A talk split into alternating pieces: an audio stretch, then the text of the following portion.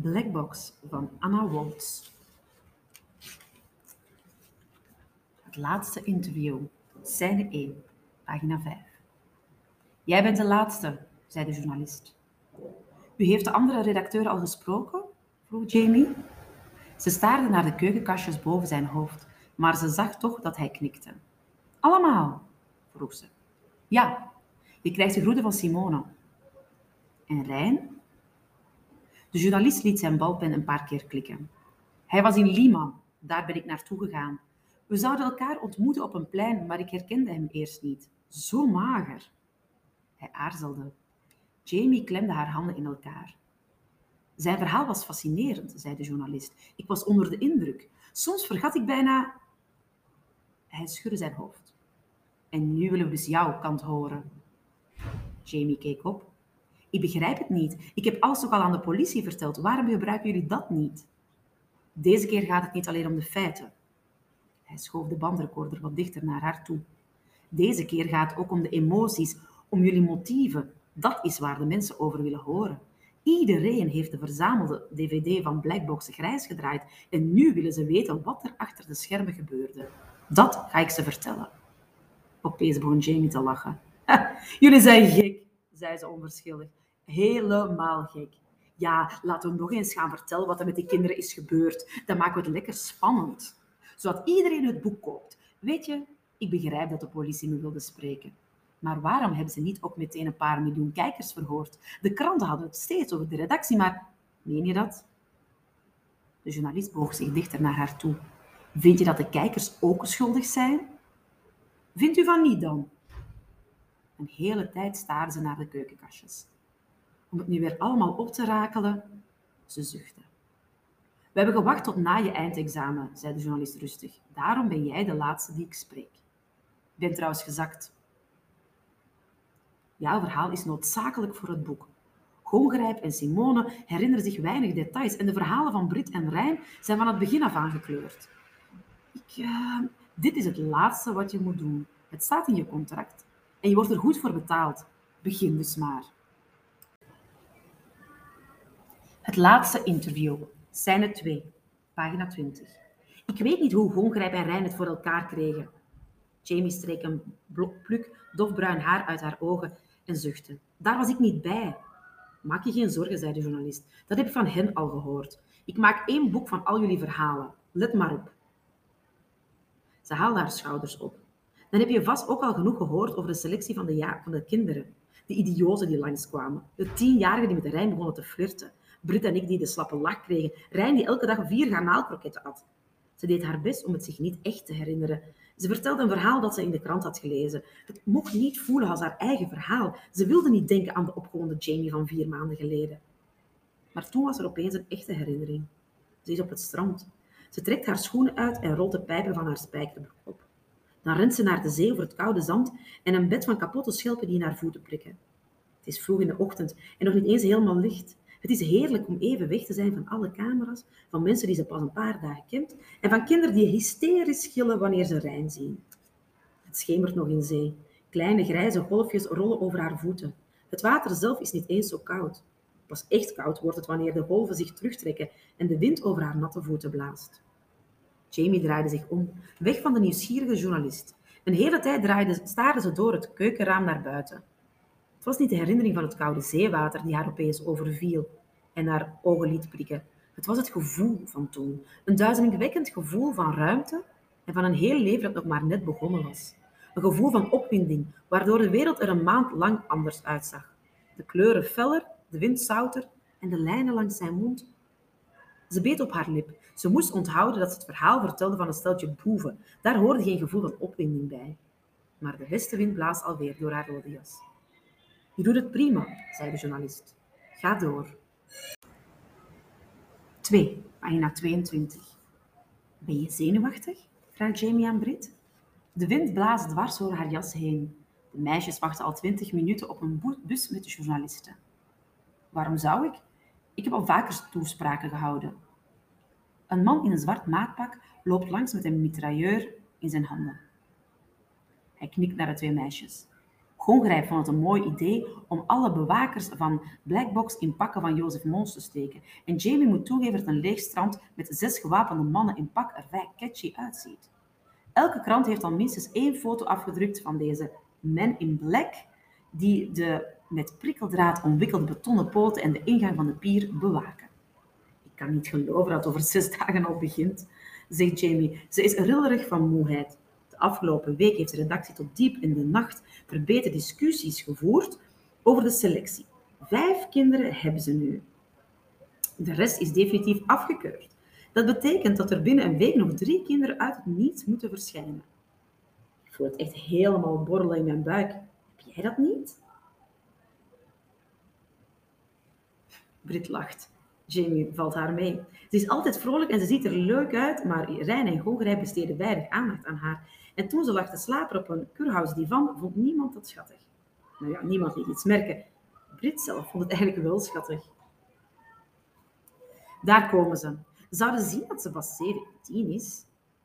Een dubbeldekker met blackbox erop houdt stil voor de ingang van de pier. En 36 journalisten stromen naar buiten.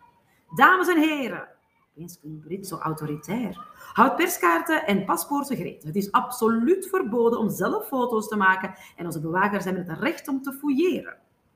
De journalist van de avond bekijkt de bewakers met mitrailleur en grinnikt. Die Rijn en Gongrijp zijn lekker indiaantje aan het spelen. Hebben jullie ook een license to kill? Jamie laat trots haar Blackbox VIP-pas aan de bewaking zien en mag de wandelgang in. De wanden van de gang zijn van glas, zodat je kan zien wanneer je niet meer boven het strand loopt, maar boven de zee, die vandaag bestaat uit woeste bruine golven. Aan het einde van de gang blijft Brit met haar rug naar het water staan. Ze slaat haar handen in elkaar. Aan uw rechterhand ziet u eerst het slaapdek. Hier slapen alle medewerkers van Blackbox gedurende de maand dat Blackbox in de lucht is. Jamie vindt dat Brit klinkt als een stewardess die haar passagiers al duizend keer heeft verteld dat ze eerst hun eigen zuurstofmasker moeten opzetten en daarna pas hun kind mogen helpen dat gewoon super messy is. Hier gaan 45 volwassenen een maand lang leven. Want de acht kinderen zijn niet de enige die opgesloten worden in hun huis. Ook de medewerkers mogen de pier een maand lang niet verlaten. Alleen de vijf redacteuren mogen onder begeleiding van bodyguards de buitenwereld in. Jamie loopt achter de journalisten aan de regiekamer binnen, die links aan het eind van de wandelgang ligt. Eén wand van de vierkante kamer is gevuld met beeldschermen, waarover het pleklogo danst. Daarvoor staan grote panelen met knoppen en schakelaars. Jamie haalt haar neus op. Het ruikt in naar techniek. Een metalen lucht vermengd met de geur van brandend stof en plastic snoeren. Alles ziet er zo echt uit dat je bijna zou geloven dat het nep is. Letterlijk alle regiekamers op behind the screens televisieprogramma's zien er zo uit. Jamie heeft het gevoel dat ze rondloopt op een set. Dat gevoel heeft ze wel vaker. Wanneer ze door de Betuwe dan fietst en er een ooievaar overvliegt terwijl de zon net onder net doorbreekt en de vijf ruige roodbruine koeien in de uiterwaarden beneden precies goed verdeeld zijn over hun wei. Of een paar jaar geleden, toen ze van school naar huis liep en ze op de Malibaan een oud vrouwtje zag liggen, star uitgestrekt en volkomen bewegingsloos. Toen had ze ook het gevoel dat ze een filmset was binnengedrongen. Het duurde even voordat ze besefte dat ze eigenlijk een ambulance moest bellen. Een echt mens lag daar dood te gaan, geen acteur. Die deed alsof. Hier komen straks de streams van alle 68 camera's uit het huis binnen. De kinderen krijgen een chip ingespoten waardoor ze automatisch gevolgd worden door de camera's. Krijgen we nu het huis te zien? vraagt een vrouw van Close-up. U heeft het reglement niet gelezen, zegt Brit streng. Alleen de kinderen mogen het huis binnen. Jamie kijkt naar de grond. Ze heeft het reglement ook nog niet gelezen. Het ligt op haar hotelkamer in een map, samen met het contract dat ze als redactielid moest ondertekenen. Ook nog niet gelezen. Door de ramen van de wandelgang zien ze het Zwarte Huis, dat links voor de regiekamer op dikke betonnen palen in zee staat. Het heeft de vorm van een circustent met afgeplat dak. Binnen is het donker. De gang naar het huis is afgesloten met een zware ijzerdeur, die alleen maar opengemaakt kan worden met een black box VIP-pas. Achter deze deur zit het huis, zit de sluis. De maaltijden van de kinderen worden klaargezet in de sluis, vertelt Brit. Pas als de deur aan deze kant dicht is, kunnen de kinderen de deur aan hun kant van de sluis openmaken en zo is er geen enkel fysiek contact met de deelnemers. Wij beschermen onze kinderen goed. En als de kinderen nu zelf in de sluis stappen, vraagt de man van Cultel commercieel.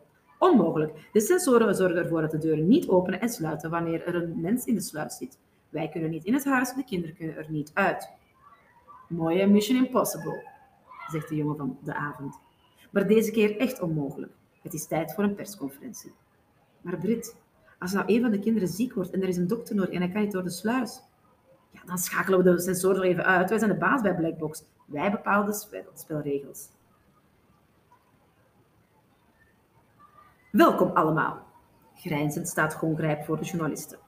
Jamie is blij dat hij vandaag geen leren broek draagt en dat zijn haar weer helemaal zwart is zonder uitgroei. Ze staat aan de zijkant van de serre bij een tafel vol flesjes. Lolita, dat is het nieuwste mixdrankje van Mautaan, de grootste sponsor van Blackbox. Jullie weten natuurlijk al lang dat al mijn gameshows razendspannend en taboe doorbrekend zijn, maar Blackbox heeft meer. Blackbox heeft Jacob Rijn. Hier is hij! En Rijn komt de serre binnengelopen, geeft een paar journalisten een hand en gaat dan achter de tafel zitten naast Gongrij. Jamie ziet meteen dat hij vandaag de serieuze filmmaker is. Voor mij is het nieuw, zegt hij. Ik heb nog nooit een programma gemaakt voor het grote publiek. Ik heb nog nooit te maken gehad met zoveel sponsors en publiciteit en geld. Jamie vindt dat hij overdrijft. Hij leidt ongeveer het meest glamorous leven van heel Nederland. Met zijn Amerikaanse fotomodel Exxon en zijn huis vol gouden kalveren. Maar het is waar dat hij het allemaal heeft bereikt met ondoorgrondelijke documentaires. Niet met spelletjes. Ook heb ik nog nooit een programma gemaakt over Nederland.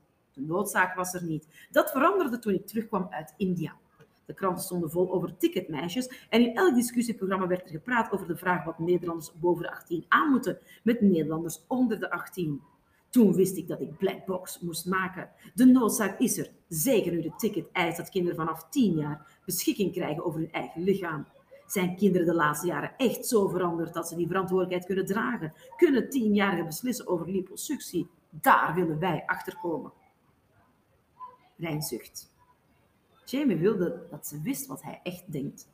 Geniet hij van de aandacht van de vrouwelijke journalisten die ademloos naar hem luisteren en van de dragende camera's? Of denkt hij alleen maar over de noodzaak om Blackbox te maken? Hij laat zijn blik over het publiek dwalen en een paar seconden kijkt hij haar aan. Ze dwingt zichzelf om haar ogen niet neer te slaan. Nu weet ze ook niet meer wat ze zelf denkt. Blackbox is meer dan een politiek programma, zegt Rijn. Het is ook een wedstrijd met een hoofdprijs van 2 miljoen euro. Daar zou de winnaar heel wat siliconen van kunnen betalen. Terwijl de journalisten lachen, komt Brit naar voren. De heer Van Bentum heeft een vraag. Ik krijg de indruk dat Blackbox een verlengstuk van de ticket is. Waarom steunen jullie een secte die meisjes vertelt dat plastische chirurgie normaal is? Een secte die kinderen van elf laat geloven dat ze geen genoegen mogen nemen met een scheve neus. Een grijze vrouw dicht bij Jamie knikt. Ik heb gehoord dat ze ticketkinderen gebruiken om nieuwe cosmetische ingrepen op uit te testen, zegt ze. Pubermeisjes worden zo onzeker van het slechte ticketscoren dat ze tot alles bereid zijn. Misdadig, roept een buurman. Er wordt nu al een geval onderzocht van een 12-jarige die is doodgegaan na een buikwandcorrectie. De operatie was uitgevoerd door een privékliniek van Boutaan. Dat bedrijf vindt het niet genoeg om kinderen aan de drank te krijgen. Nee, ze moeten ook al onder het mes. Jamie, wil jij als ticket-expert deze vraag beantwoorden? Ze wordt rood. Het lijkt hier wel aardrijkskunde. Daar krijgt ze ook al altijd onverwacht het antwoord te geven. Gelukkig heeft ze opgelet en weet ze wat een vraag is. Ze loopt naar voren en neemt de microfoon van Brit over. Een echte expert ben ik niet hoor. Haar stem klinkt gelukkig vrij normaal. Maar ik weet wel dat er, geen, dat er echt geen gevaarlijke operaties, operaties worden getest op kinderen. Het is ongelooflijk wat voor verhalen er allemaal worden verteld. Terwijl, ik bedoel, het is nog steeds Nederland. Met normale mensen en goede wetten. De ticket doet niets illegaals. Het gaat, merkt ze opgewonden. Ze kan praten terwijl er zoveel mensen naar haar kijken. En nu durft ze ook terug te kijken naar haar publiek. Ze krijgt bijna medelijden met al die mannen en vrouwen die nooit meer jong zullen zijn en die een afwerende blik in de ogen hebben wanneer ze vragen stellen over dat ticket. Waarom zijn volwassenen zo snel bang voor kinderen? Als, als Jamie zelf een journalist was, zou ze zeggen: Ik heb gehoord dat volwassenen elkaar martelen, stenigen, verkrachten. Het gerucht doet de ronde dat vorige week een man in Hengelo zijn vrouw en drie kinderen heeft vermoord. Wees bang voor jezelf in plaats van voor kinderen. Volwassenen zijn bang voor het ticket omdat ze niet weten wat het is, zegt ze. Maar het valt allemaal heel erg mee. De ticket geeft onzekere pubers gewoon een beetje houvast. Daar, dienen allerlei, daar verdienen allerlei bedrijven natuurlijk aan, maar het mooie van het ticket is juist dat het een echte beweging van kinderen zelf is. Zo begon het toch ook? Meisjes die zich niet meer de wet lieten voorschrijven door mannen en door de cosmetische industrie, maar die zelf bepaalden wat goed en mooi was. Dat is zo geweldig. Nou, de geruchten komen echt niet uit de lucht vallen hoor, mompelt de man van Telex. Brit geeft het, antwoord, geeft het woord aan een vrouw met een zebrabril. Vindt u het verantwoord om acht kinderen tussen de 10 en 16 een maand lang op te sluiten zonder aanwezigheid van volwassenen? Wij zijn bereid die verantwoordelijkheid op ons te nemen, zegt Gongrijp. Kinderen die zichzelf groot genoeg vinden om hun lichaam te verbouwen, zijn ook groot genoeg om samen op de pier te zitten. Hun ouders staan de voogdij aan ons af voor een maand, dus die vertrouwen het zaakje wel. En vindt u, ons nu, vindt u nu echt dat de aanwezigheid van volwassenen zo heilzaam is voor kinderen? Ik heb gehoord dat een van de kandidaten afkomstig is uit een jeugdgevangenis. Kan u dat bevestigen? Ongrijp schudt zijn hoofd. Over zes dagen wordt de identiteit van de deelnemers pas bekendgemaakt. Hoe, maar dat kunt u niet maken, roept de vrouw. Dat wordt een bloedbad, fluistert de man van Telex. Jamie hoort hem en ze ziet aan grond begrijpen dat hij het ook heeft verstaan. De kijkers zullen nooit accepteren dat ze met opzet gevaarlijke kinderen uitkiezen. Ze zullen Blackbox massaal boycotten.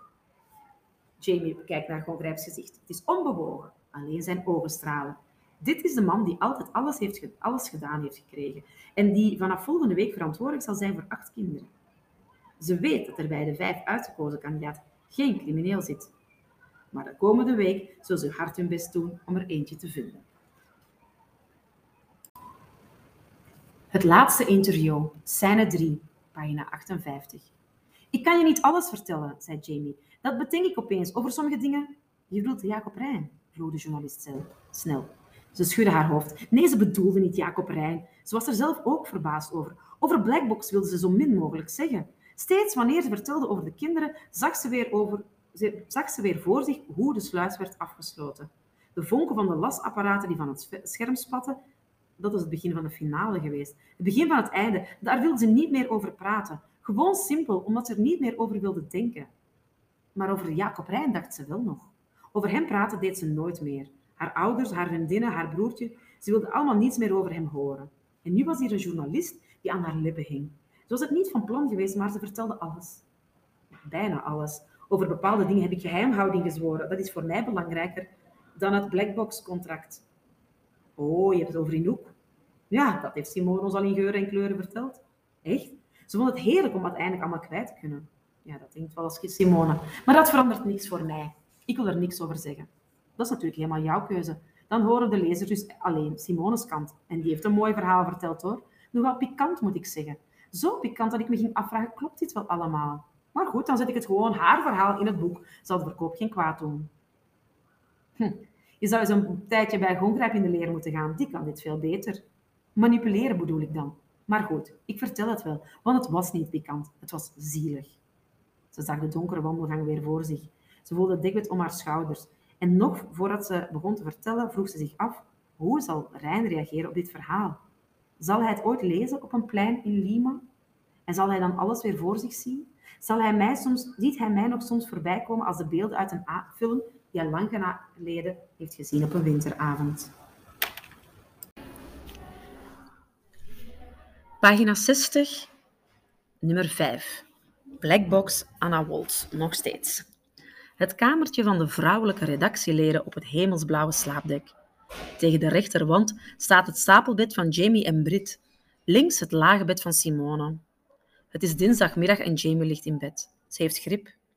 Een lichte griep die in de verste verte niet op longontsteking lijkt, maar ze heeft pijn in haar hoofd en haar neus zit zo dicht dat ze s'nachts niet kon slapen. Ze probeerde heel zachtjes te snuiten en zich voorzichtig om te draaien, maar vanochtend zei Brit humeurig dat Jamie komende nacht maar in de kombuis moest gaan liggen. De nacht was dus zwaar, maar nu is het heerlijk om ziek te zijn. Vanuit haar bed kijkt Jamie de hele dag naar Blackbox. Ze was niet bij de dagelijkse redactievergadering en Brit heeft haar regiedienst overgenomen. De redactieleden hebben allemaal een paar uur per dag dienst in de regiekamer, zodat er altijd iemand aanwezig is om snelle beslissingen te nemen. Dat mogen PC en de andere twee regisseurs niet. Nu kijkt Jamie dus een hele dag naar Blackbox zonder afleidend regiekamergeklets. Ze heeft al bijna het gevoel dat de Blackbox-kinderen familie van haar zijn, omdat ze de raarste details over hen weet. Ze heeft gezien hoe onverwacht netjes de koffer van Job was ingepakt, met onderbroeken en sokken en t-shirts in verschillende plastic zakken, en ze weet nu dat Abeltje zittend moet plaatsen van zijn moeder, omdat hij anders te veel spot. Nelly eet een boterham die met zijn jamcat op de grond... Die... Nelly eet een boterham die met de jamkant op de grond is gevallen gewoon op. Eeuw. En Franka gebruikt voor het afdrogen van haar gezicht een andere handdoek dan voor haar lichaam. En voor haar voeten weer een andere, een donkergroene. Kleine onzinnige dingetjes zijn het allemaal, die je nooit op televisie ziet en die daarom juist zo interessant zijn. Mensen denken dat ze naar het buitenland moeten reizen om een andere cultuur mee te maken, maar Jamie beseft dat ieder kind eigenlijk alleen maar aan de cultuur van zijn eigen gezin gewend is. Het idee om drie handdoeken te gebruiken om je af te drogen, volstrekt idioot. Brit steekt haar hoofd om de deur. Als ik beloof dat mijn ochtendhumeur over is, mag ik dan binnenkomen? Tuurlijk. Jamie's stem is lager en heeser dan normaal. Simone heeft kippenbouillon voor je opgewarmd en Rijn zegt dat je veel moet drinken. Omdat ik anders longontsteking krijg? Brit lacht. Hier op de pier draagt ze geen mantelpakje meer, maar een warm grijs vest. Het is kil in de kamers op het slaapdek. De vochtige zeewind blaast overal doorheen. Hij vraagt steeds hoe het met je gaat en hij wil straks even op ziekenbezoek komen. Ja, als hij mij in pyjama aan kan, vast. Kijk wel naar de compilatie op CTC? Die begint zo. Ik moet snel weer terug om ervoor te zorgen dat Rijn en Gongrijp elkaar niet vermoorden. De kijkcijfers dalen, maar Rijn weigert om in te grijpen. Hij wil laten zien hoe kinderen zich gedragen zonder inmenging van volwassenen. Dit is de eerste keer dat Jamie de compilatie ziet. Ze trekt het dekbed nog wat dichter om zich heen en zucht diep. Idioot dat het vooruitzicht op heel veel televisie zo gelukkig kan maken. Eerst is het beeld zwart. Heel in de verte klinkt ouderwetse draaimolenmuziek, een variatie op de blackbox tune. Het scherm wordt steeds lichter. De kijker vliegt over heldere golven vol zonlicht die overgaan in zand, duinen en bos. Polders met koeien komen voorbij, een rijtje molens, huizen. De camera vliegt door naar Scheveningen, waar hij tot stilstand komt recht boven het zwarte huis op de pier. Vanuit de rechterbovenhoek verschijnt een reusachtige hand die het platte dak van het huis haalt. Even vergeet Jamie haar hoofdpijn. Ze ziet de blackbox kinderen als poppenhuispopjes door hun kamers vol draaimolendieren wandelen, terwijl het huis langzaam ronddraait onder begeleiding van deinende muziek. Job, Job is zo groot als een duim en heeft een gitaar op schoot die niet groter is dan een nagel. Franka, Rasmus en Abeltje zitten aan de eettafel, terwijl Maria op haar bed ligt. Inouk, ter grootte van een pink, staat voor de glitterende spiegel in de badkamer. Nelly rent met piepkleine beentjes van de woonkamer naar de confess en dan terug naar haar slaapkamer. Rijn heeft deze animatie bedacht en hij is ongelooflijk. Zo voelt het precies om naar Blackbox te kijken.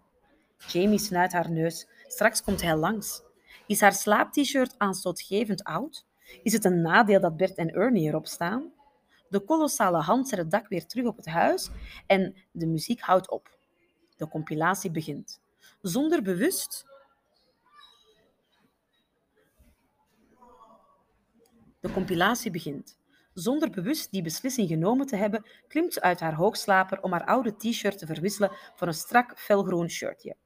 Dan borstelt ze de ergste klitten uit haar warrige bruine haar. Heel voorzichtig, want elke haar lijkt in directe verbinding te staan met de pijnlijke binnenkant van haar hoofd. En dan klimt ze langzaam terug in bed. Op het scherm ploffen Inouk en Franka naast Job neer, op de blauwe kussens in de woonkamer. Inouk links en Franka rechts, zodat hij geen kant meer op kan. Ze vinden dat hij moet meedoen met de ticket, want dan kunnen ze hem een make-over geven en dan zal hij heel hoog scoren en... Jamie lacht. Arme Job, hij moet niks hebben van het ticket, maar opeens krijgt hij meer meisjesaandacht dan ooit tevoren. Franka heeft zoveel aan haar uiterlijk gesleuteld dat ze er nu bijna als het ideale meisje uitziet. En daar is Job niet ongevoelig voor. Abeltje zit aan tafel en kijkt gefascineerd toe hoe Rasmus zijn twaalfde boterham van de dag eet. Rasmus heeft altijd honger en moet om vier uur een extra maaltijd hebben, anders haalt hij het avondeten gewoon niet. Als ik twaalf ben, krijg ik ook een ticket, slist Abeltje opeens. Hij kijkt naar Franka. Dan heb ik voor Pocket meteen 100%. Dat kan helemaal niet, zegt Franka. Dan moet je meer dan een miljoen euro hebben. Dat heb ik ook, Makkie. Jamie wiebelt opgewonden met haar tenen. Ze weet lekker wat er nu gaat kopen, want ze heeft Abeltje zelf uitgezocht voor Blackbox. Hoe kan dat nu? vraagt Inouk. Je bent pas elf. Helemaal zelf verdiend. Abeltje kijkt trots. Je bent de baas van boysandthecover.nl. Wow, zegt Rasmus met volle mond. Mega cool. Serieus? Van die porno-site?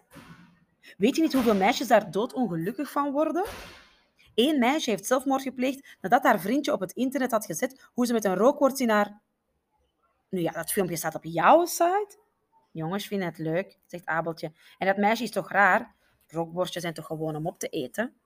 Je begrijpt er niks van. Ik vind het ook zonde van de rookworst. Die hebben ze vast niet meer opgegeten. Wat is dat voor site? vraagt Inouk. Die site waar die idioot van elf de baas van is? Franka kijkt woedend naar Abeltje. Dat is een site waar jongens filmpjes op kunnen zetten die ze met hun mobieltje hebben gemaakt. Van blote borsten en seks en smerige dingen met worsten. Op school word ik echt volledig gestoord van jongens die met hun mobiel onder mijn rok proberen te komen. Of die hun telefoon ophangen, telefoon ophangen in onze kleedkamer. Joshi, dat zou meteen het best bekeken filmpje worden. Jij bent zo mooi. Franka is sprakeloos. Abeltje is nog maar elf. Op internet heeft Jamie gelezen hoe het allemaal begon. Terwijl Abeltje met zijn plastic, plastic Spider-Man en zijn knuffel speelde, zag hij hoe zijn twee oudere broers met hun telefoon filmpjes maakten van de meisjes op school en die op internet zetten. Andere jongens gingen het ook doen, drongen door tot in de meisjeskleedkamer onder de schoolbank en het bed van hun ouders. Het was de kunst om seks en blote borsten niet te enceneren, maar gewoon tegen te komen. Net voordat een regelrechte, regelrechte rage werd, maakte Abeltje een superieure site waarop alle filmpjes gezet konden worden. Compleet met tips van zijn broers om je telefoon onder de rok van een meisje te krijgen en installaties om je mobiel mee op te hangen in de kamer van je zus. Abeltjes website is de laatste maanden de best bekeken site met pikante filmpjes ter wereld. Er wordt op de deur geklopt. Ja, zegt uh, Jamie leidzaam, terwijl ze snel haar t-shirt recht trekt en vol verwachting naar de deur kijkt. Het is PC. Ik hoorde van Brit dat je ziek was.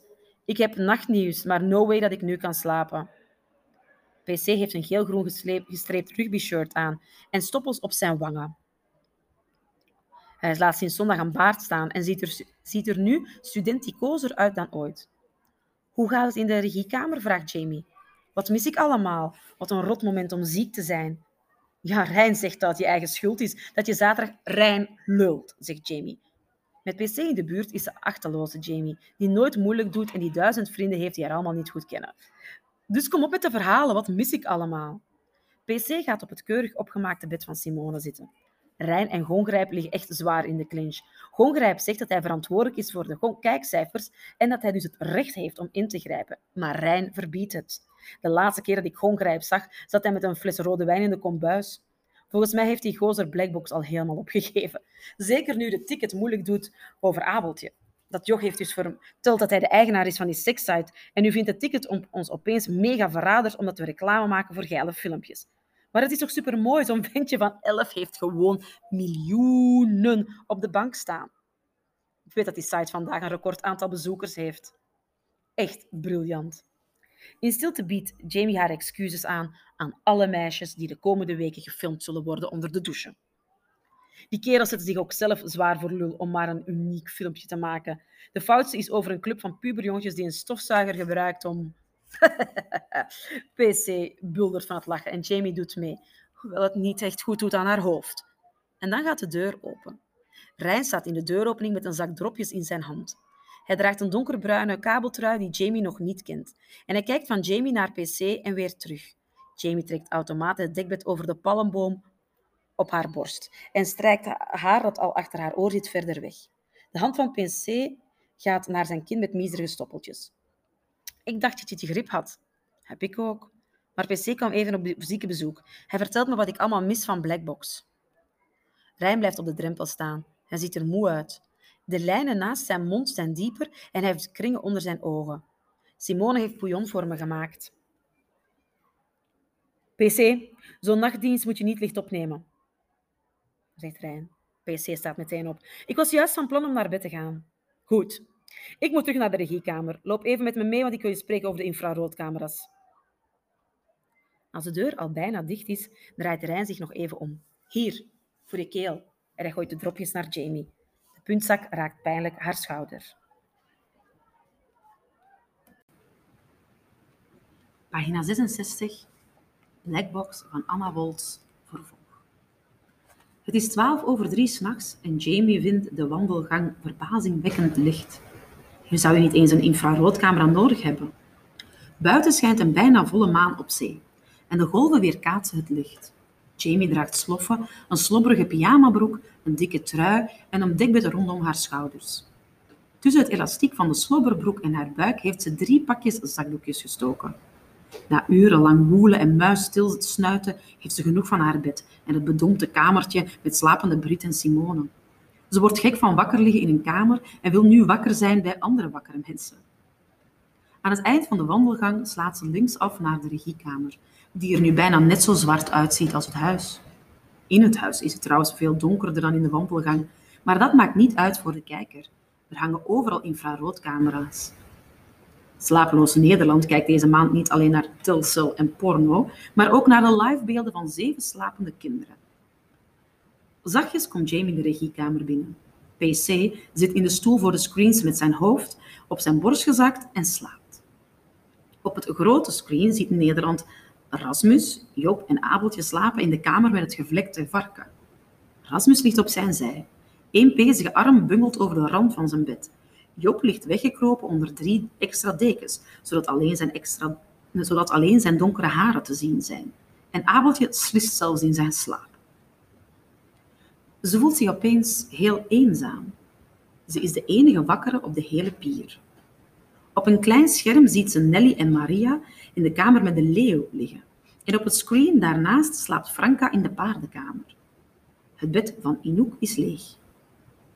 Eén voor één bekijkt Jamie de andere schermpjes.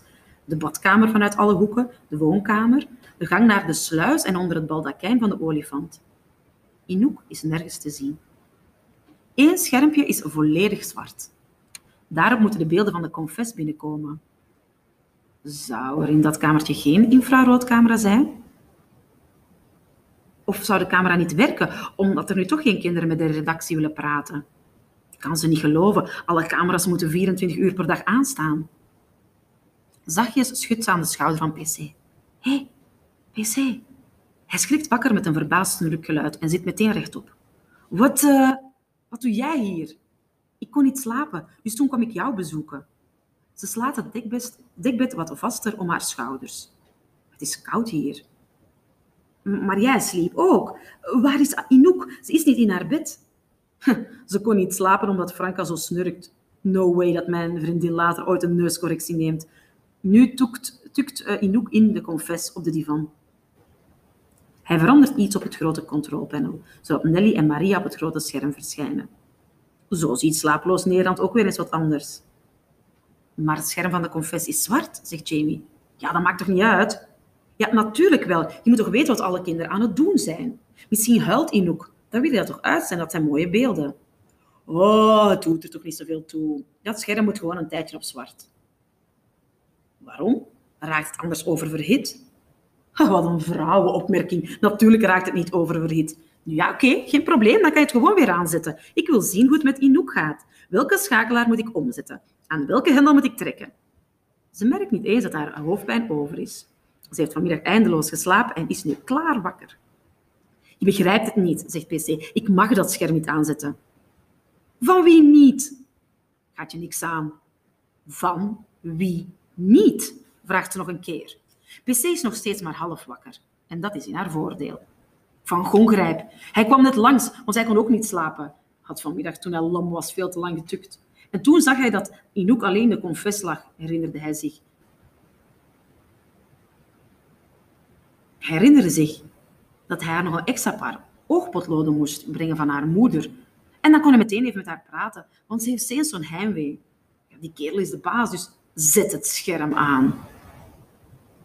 Klootzak van een goongrijp. Nee, ik heb beloofd dat ding uit te laten. Goongrijp weet natuurlijk ook donders goed dat hij niet in het huis mag. En hij wil niet dat Nederland hem ziet, maar hij vond Inouk zo zielig.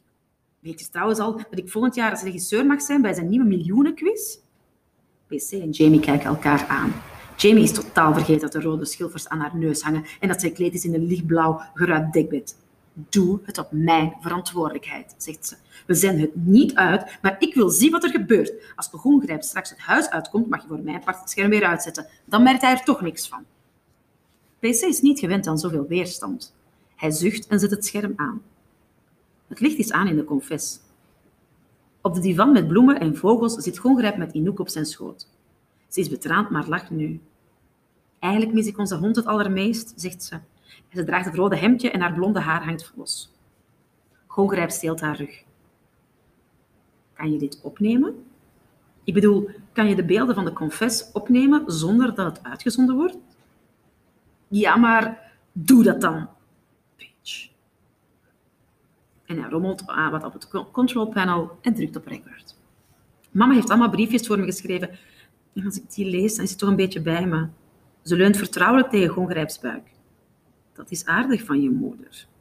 Jamie hoort meteen aan zijn stem dat hij nog steeds dronken is. Hij strijkt de haren uit Inouk's gezicht en stopt zijn gezicht in haar hals. Mama heeft gezegd dat ik vast ga winnen, zegt Inouk, en dat ik goed mijn best moet doen. Doe jij maar goed je best, zegt Gongrijp. Onbeheerst slaat hij zijn armen strak om haar heen. Niet dat je daar iets aan hebt als dit klote programma over twee dagen uit de lucht is. Als die fucking Rijn... Zijn woedende woorden gaan over in onverstaanbaar gemompel wanneer zijn mond weer in Inouk's, in nek verdwijnt. Hij zoent haar hals. Wat? zegt Jamie schor. Die man heeft zelf ook kinderen. Drie zonen. Zijn jongste zoon moet een jaar of tien zijn. Misschien zit hij ook wel elke avond bij hem op schoot, terwijl zijn vader hem in zijn hals zoent. Gongrijp legt zijn rechterhand in Inouk's lies. Meisje schuift een stukje opzij, maar ze ziet er niet bang uit. Misschien denkt ze wel dat dit bij het grote spel van Blackbox hoort. Weet je wie ik ben? vraagt de dronken stem. Ze schudt haar hoofd. De baas van Blackbox. Ik ben de machtigste man op de pier. Dat had je niet gedacht, hè? Wacht, even iets goed. Hij grijpt onder Inouk's billen en friemelt wat aan zijn kruis. Dan zit hij even stil. Zijn ogen vallen dicht. Maar hij schrikt wakker wanneer Inouk onrustig gaat verzitten. Hij maakt de knoop van zijn broek los. Jezus, zegt PC. Jamie staat doodstil naast hem. Ze kan het niet geloven. Ze ziet Gongrijp op een klein schermpje en haar hele leven heeft al geleerd wat je op televisie ziet, is nep. Geloof nooit wat je op je beeldscherm ziet. Gongrijp kreut. Die idioot van een Rijn. Hij pakt het magere handje van Inouk en stopt het in zijn broek, terwijl hij haar met zijn andere arm tegen zich aandrukt. Ze probeert haar hand terug te trekken. Gongrijp mompelt. En dat teringwijf Jamie. Op dat moment beseft Jamie dat ze niet naar de nieuwste wending van het slechte soap zit te kijken. Dit is echt. Daar voor haar ogen zit Gongrijp met de hand van Inouk in zijn broek. Die hufter, roept ze woedend. Waar is de microfoon? Ze schudt woest aan de schouder van PC, die gebiologeerd zit te kijken naar het scherm. Er is toch een microfoon om te praten met de confess? Waar is die? PC wijst naar een microfoon helemaal rechts op de tafel en schakelt het geluid in. Gongrijp! Klootzak! roept Jamie. Blijf van haar af! Ze haalt meer scheldwoorden klaar, maar dit is genoeg. Hij komt overeind en terwijl Inouk op de grond valt en uiteindelijk begint te huilen, wankelt hij de confess uit. Op de screens ziet Jamie hoe hij door de donkere gang naar de sluis loopt, terwijl hij de knoop van zijn broek dichtmaakt. Hij komt eraan, zegt PC zacht. Ja. Laat mij het woord voeren, zegt Jamie. Ik regel dit. En dan sta ik gewoon grijp in de regiekamer. Wat de hel? Hij blijft staan en kijkt naar Jamie en PC. Zijn ogen zijn rood doorlopen en zelfs met een verstopte neus ruikt Jamie de alcohol. Hoe durf je? mompelt gewoon grijp. Nee, hoe durf jij? Dit is het einde, begrijp je dat niet? Denk je dat ouders hun kind op de pier laten als ze weten... En ze gebaart naar de screens. Gongrijp gaat op de regisseurstoel van Rijn zitten en barst in snikken uit. Jamie kijkt naar hem. Het is alsof ze hem nog steeds op televisie ziet. Hoe kan je je eigen programma op deze manier de nek omdraaien? Wat denk je dat Rijn zal zeggen als hij hoort nee? Niet aan Rijn vertellen. Twee sponsors hebben zich gisteren al teruggetrokken omdat niemand kijkt. En Rijn is op de rand. Dit kan hij er niet bij hebben. Jamie herinnert zich de diepe kringen onder Rijns ogen, de lijnen naast zijn mond. Terwijl hij eerst zo meeslepend kon stralen wanneer hij praatte over zijn documentaires en over Blackbox. Toen hij net beroemd werd, kon hij zijn succes niet aan. Wie zou dat wel kunnen? De man was nog geen twintig en opeens had hij geld en vrouwen en macht en werd er van hem verwacht dat zijn volgende film nog een stuk genialer zou zijn dan de eerste. De volgende documentaires waren geniaal, maar aan de veilige kant. En nu is er Blackbox. Gevaarlijk, gewaagd en tot nu toe verre van die geniaal. Wanneer ze Rijn vertelt over Gongrijps actie of de tape naar de avond stuurt, dan is dat het einde van Blackbox. Dan worden de zeven kinderen van de pier gehaald en zullen de kranten vol hoongelach en woede staan. Dan wordt de pier ontruimd en moet Jamie na twee dagen ziek in bed hebben gelegen terug naar Utrecht. Terug naar een leven waarin mensen zich druk maken over aardrijkskunde, toetsen en schoolreisjes. Het kan haar weinig schelen dat het waarschijnlijk ook het einde van Gongrijps carrière zal zijn, van zijn huwelijk en van de miljoenenquiz. Want het andere is zoveel belangrijker. Het zal het einde zijn van Rijn. Ze gaat zitten op haar kleine krukje en kijkt naar het scherm met de confess. Inouk boort haar hoofd in de sofa terwijl haar schouders schokken. Het geluid is weggedraaid. PC zit achter de control panel naast Gongrijp en kijkt niemand aan. Jamie snuit haar neus. Ze weet niet wat ze moet doen. Het is duidelijk dat het niet haalbaar is om Gongrijp eigenhandig te castreren. Maar heeft het zin om zijn vrouw erbij te halen? Om de pers in te schakelen? Om bloeddorstig Nederland op zijn kop te zetten en te laten smullen van een gebeurtenis die ze ongetwijfeld zullen opkloppen totdat Franka, Nella, eh, Nelly en Inouk alle drie zwanger zijn van hem? Gongrijp was laveloos, dronken. En Inouk heeft een piemel gevoeld. Inouk moet eruit, zegt ze zacht. Wat? Inouk kan niet blijven. Ze moet het huis uit. Ze heeft steeds heimwee, zegt PC. Tien jaar is veel te jong voor Blackbox. Simone zou met haar kunnen praten. God, wat heb ik een kopijn. Rijn mag hier niks van weten, zegt Jamie. Pagina 75, hoofdstuk 6. Wakker worden, jullie moeten nu meteen opstaan. Ademloos staat kamermeisje Andrea in de slaapkamer van Simone, Brit en Jamie. Ze heeft haar baantje in de kurhaus opgegeven en werkt nu op de pier. En zeurt Jamie steeds aan het hoofd over Rijn. Dat hij er soms zo goed uitziet, met zijn haar door de war en wat zijn hoofd, met zijn overhemd zo half uit zijn broek. Jacob Rijn zegt dat jullie over tien minuten in de kombuis moeten zijn, want er is een grote crisis en een spoedvergadering. Jullie moeten opschieten, want nu moeten jullie er al over zeven minuten zijn. Brit zit meteen recht overeind in haar bed. De schelle stem van Andrea snerpt door haar oordopjes heen en ze is klaar wakker. Ah, het is veel te vroeg, mompelt Simone slaperig. Houd toch je snavel. Maar uiteindelijk komt ze toch overeind. Schuin over haar wang loopt een vouw van het kussen en haar blonde haar staat recht overeind. Ze kreunt een beetje, ze heeft hoofdpijn en die wordt alleen erger wanneer ze zich afgelopen nacht herinnert. Willem is haar vriend, dat moet ze goed onthouden. Die vent maakt al heel zijn leven shows, die, die weet stukken beter hoe het gaat in de televisiewereld dan een simpele lera lerares Nederlands. Maar ze blijft dat snotterende grietje voor zich zien. En ze voelt hoe Inouk's schokkende schoudertjes weer tegen zich aan. Stel je voor dat een van haar eigen dochters ze mag er niet aan denken. Ze hebben vannacht met z'n drie besproken wat er gedaan moet worden en dat zal nu gebeuren. Ze zal meespelen. Maar in het vervolg moet Willem met zijn poten van die kinderen blijven. Dat heeft ze wel even duidelijk gemaakt. Jamie beweegt niet. Haar dromen lopen naadloos over in deze ochtend. De afgelopen uren spookten beelden van Gongrijp en Inouk en Rijn door haar hoofd, filmbeelden van kranten die van de pers rollen en razendsnel ronddraaien dichterbij komen, totdat de beeldvullende kop vol sensatie de kijker recht in de ogen staart. Jamie, heb je het gehoord? Jacob Rijn zegt dat je wakker moet worden. In de vergaderzaal van de kombuis zit Gongrijp in elkaar gezakt op een groene skippiebal. Zijn ogen zijn bloed doorlopen en hij bewaart met moeite zijn evenwicht. Skippieballen in plaats van stoelen leken een leuk idee op papier, maar nu verwenst iedereen die dingen al. Vier grote screens hangen aan de muur waarop Blackbox live wordt uitgezonden.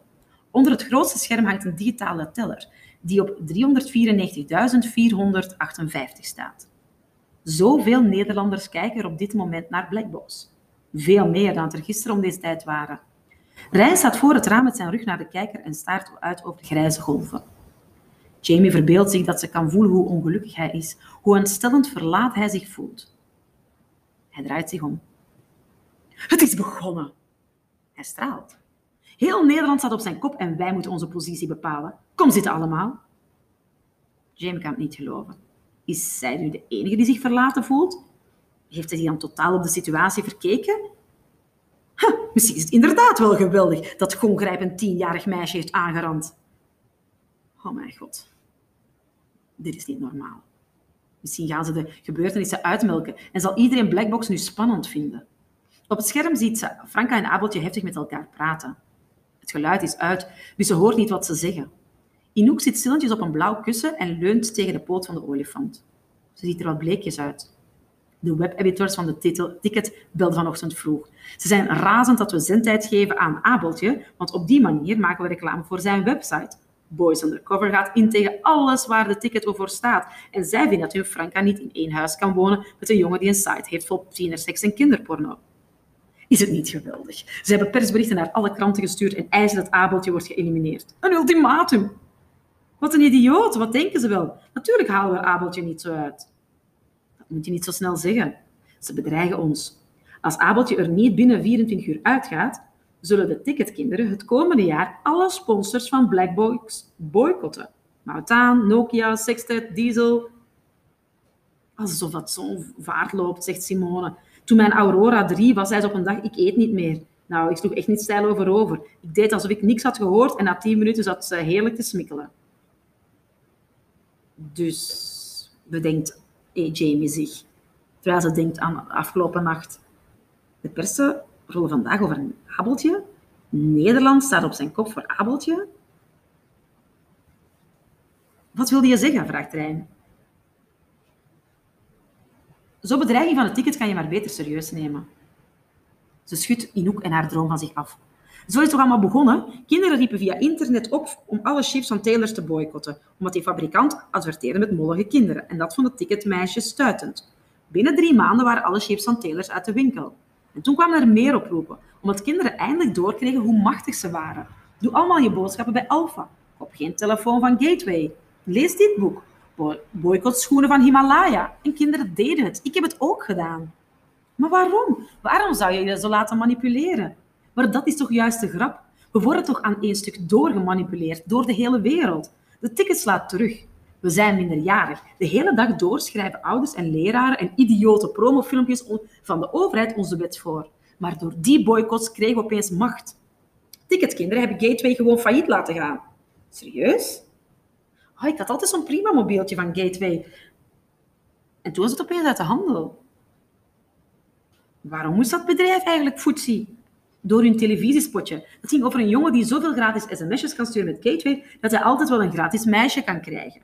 Dat vonden sommige TikTok-meisjes niet zo grappig. Macht. Dat is wat Jamie wilde toen ze 13 was. Haar opa was net dood en ze voelde zich nutteloos en nietig. Geld was geen probleem. Ze liep aan een krantenwijk zonder dat ze ooit een gasrekening hoefde te betalen. Net zoals zoveel andere pubers met bijbaantjes. Bedrijven keken watertanden naar die onzekere pubers met geld en probeerden hen wijs te maken dat alles goed zou komen als ze maar eerst hun parfum kochten of hun sportschoenen. Maar de jongeren waren niet gek. Ze keken dwars door alle reclame heen en bedachten de ultieme, ultieme manier om wraak te nemen op de grote merken. Boycotts. Via internet riepen ze elkaar op om bedrijven te boycotten of juist wel bij die ene winkel te kopen. En zodra er nog kinderen meededen, was hun macht een feit. Pubers van over heel de wereld raakten in de band van de boycotts en kochten allemaal hun eigen ticket om te laten zien wie ze waren. Zo'n ticket was geen gadget dat je gratis bij het bier kreeg, maar een kleurenstaaltje dat bedacht werd door de jongeren zelf. Die hadden besloten dat het in hun puberleven om vijf meetbare dingen gaat. Uiterlijk, gezondheid, hersens, geld en charme. Het mobieltje van Rijn gaat af. Zijn telefoon heeft een normale bescheiden bel en daar is Jamie blij om. Zo'n lode regenjas is grappig, maar ze wil niet dat Brein een of andere idioot modern liedje op zijn mobiel heeft staan. Of misschien ook wel, als zijn telefoon belde op het wijsje van Hansje, Pansje, Kevertje, zou het waarschijnlijk ook goedkeuren en de enige juiste keuze vinden. Jacob Rijn. Jamie vindt het leuk om hem Jacob te horen zeggen. Hier in de redactie is hij al zo lang alleen maar Rijn. Natuurlijk, verbied maar door. Meneer Ketel, hier eh, Jacob Rijn. Hij houdt de telefoon snel op 10 centimeter van zijn oor. De hele kombuis kan horen dat meneer Ketel woedend is. De grote baas van Mout aan. Maakt geërgerd een gebaar dat hij stil moet zijn. Natuurlijk hebben we het persbericht gelezen, meneer. We hebben vanochtend vroeg al praat, gepraat met het ticket. En ja, natuurlijk ondernemen we niks zonder u daarbij te betrekken. Ja, natuurlijk. Mhm. Ja, ja, ja, exact. Ja. Uh, vanmiddag ontmoet ik de chef van de Nederlandse ticket in de Kurhuis. Ja. Ja, meneer, ja, ja, meneer, dat kan ik u beloven. Ik garandeer dat er geen boycott komt. Ja, ja, ja zeker. Ik, ik houd u op de hoogte. Dag, meneer Ketel. Hij stopt de telefoon weer in zijn broekzak. Meneer Ketel had niet zijn dag. En jij ook niet. Alsof jij kan garanderen dat er geen boycott komt, zegt Gongrijp. Ik moet wel. Blackbox kan niet zonder mout aan. Ik zal kijken wat ik vanmiddag uh, kan regelen met het ticket. Jamie, ben je weer beter? Ja hoor. Ga vanmiddag met me mee. Ik wil dat je heel positief over het ticket doet en heel begripvol. We moeten een compromis kunnen vinden. Oké, ze mag samen met de Rijn even de pier af. Zullen we nu eerst maar eens even ontbijten? Oké, zegt Simon. Er is nog één puntje. Ik vrees dat we nog een van onze schatjes gaan verliezen. Nu kan heimwee niet aan. Ze ontkent het, maar ik zie het. Ja, ik zie het ook, zegt Gongrijp. Als vader heb je toch een scherper oog voor zulke dingen. Hij kijkt niet naar Jamie dat is maar goed ook, want ze voelt dat het afgrijzen uit haar ogen straalt. In familieruzes vroeger met haar broertje heeft ze een blik verworven die zoveel pure minachting uitstraalt dat hij zijn slachtoffer geheel van de kaart kan brengen. Het is niet oké om Inouk er nog in te laten. Ik zou zeggen, geef haar ouders en haar een lekkere zonvakantie naar Bora Bora. Weet je wel, zo super inclusief. Dat heeft een vriendin van me pas nog gedaan. En dan komt die meid er weer helemaal bovenop.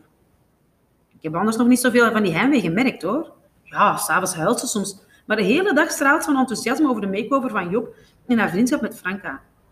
Daar verkijk je je op, schat. Leer mijn kleine meisje niet kennen. Inouk moet eruit. Dit is geen discussiepunt, ik sta erop. Het is onverantwoord om haar nog langer in het huis te laten.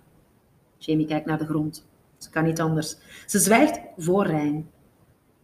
Inouk gaat de rest van de maand naar Bora Bora. Dat kunnen ze zomaar beslissen. Tot 1 maart heeft Gongrijp de voogdij over de zeven kinderen. Of ze nu opgesloten zijn op de pier of op een eilandje in de Stille Zuidzee. De telefoon van Rijn gaat weer. De grote baas van de volgende sponsor. Pagina 81. Onderaan. Brit zit naast PC voor de screens maar ze praat lekker niet met die korpsbal. Ze is wel een beetje van hem onder de indruk, maar dat zal ze natuurlijk nooit laten merken. PC behoort tot het soort jongens dat zij niet kan krijgen. Niet dat zij wil, maar het is jammer om te weten dat PC haar ook niet wil. Ze heeft een boek op schoot en kijkt afwisselend naar de kinderen in het huis en in haar boek. Ook hier in de regiekamer hangt een kijkcijferteller, die nu op 723.398 staat. Het verbaast haar niks, want de gesprekken in het huis gaan al meer dan drie uur lang over seks. Ik vat het gewoon niet. Wat hebben jullie van de ticket nu tegen seks? Vraagt Rasmus op het, scherm aan Franka. Hij draagt enkel een t-shirt en heeft het nooit koud. Job zegt al een paar uur geen woord meer en leest een tijdschrift over duistere rokbandjes. Maar zijn rode wangen verraden dat hij ademloos naar het gesprek luistert. Zijn haar zit een stuk leuker dan eerst en hij draagt ook zijn te strakke spijkerbroek niet meer. We zijn er niet tegen, maar een paar jaar geleden werden meisjes van 12, 13 al als geile wijven gezien. En het ergste was, ze gingen zich ook nog zo gedragen, omdat ze dachten dat het moest. Als je niet topless voor je webcam ging, hoorde je niet meer bij. Wij zeggen tegen meisjes, je hoeft niet mooi te zijn voor mannen. Doe het voor jezelf. We geven meisjes de tijd om zekerder te worden over hun eigen lichaam voor ze aan seks beginnen. Daar zit iets in, zegt Maria. Ze draagt al vier dagen hetzelfde bruine jek. En wanneer ze zenuwachtig is, en dat is ze bijna altijd, plukt ze aan de oranje kruisteken langs de randen. Wow, weet je het wel zeker? Ben je het eens met Franka? Natuurlijk niet. Ja, ik ben het met haar eens dat er te veel druk op kinderen ligt, maar dat ticket maakt het alleen maar erger. Er komen steeds meer eisen bij. Het zijn nu niet alleen jongens die commentaar hebben op je cupmaat, maar ook meisjes die precies bekijken hoeveel vet je overal hebt en of je neus wel mooi is. Je moet mooi zijn voor jezelf, zegt het ticket. Precies. Je moet mooi zijn. En dat is voor veel mensen nog moeilijker dan je moet seks hebben. PC is met zijn middagdienst begonnen en heeft al net zo'n zulke rode wangen als je op. God, al die maden, maagden. Wat denk je? Heeft iemand van die kinderen al gesext? Brit overweegt om in haar boek te kijken en te doen alsof zij hem niet hoort. Maar ze voelt zich ergens wel gevleid dat deze jongen zomaar tegen haar praat. Denk het niet. Behalve Rasmus misschien. Tja, als er zelfs in de redactie nog een maagd zit. PC kijkt meteen weg van het scherm. Jamie? Dat meen je niet dat had ik niet gedacht. Ze is nog 17 en ze ziet er goed uit.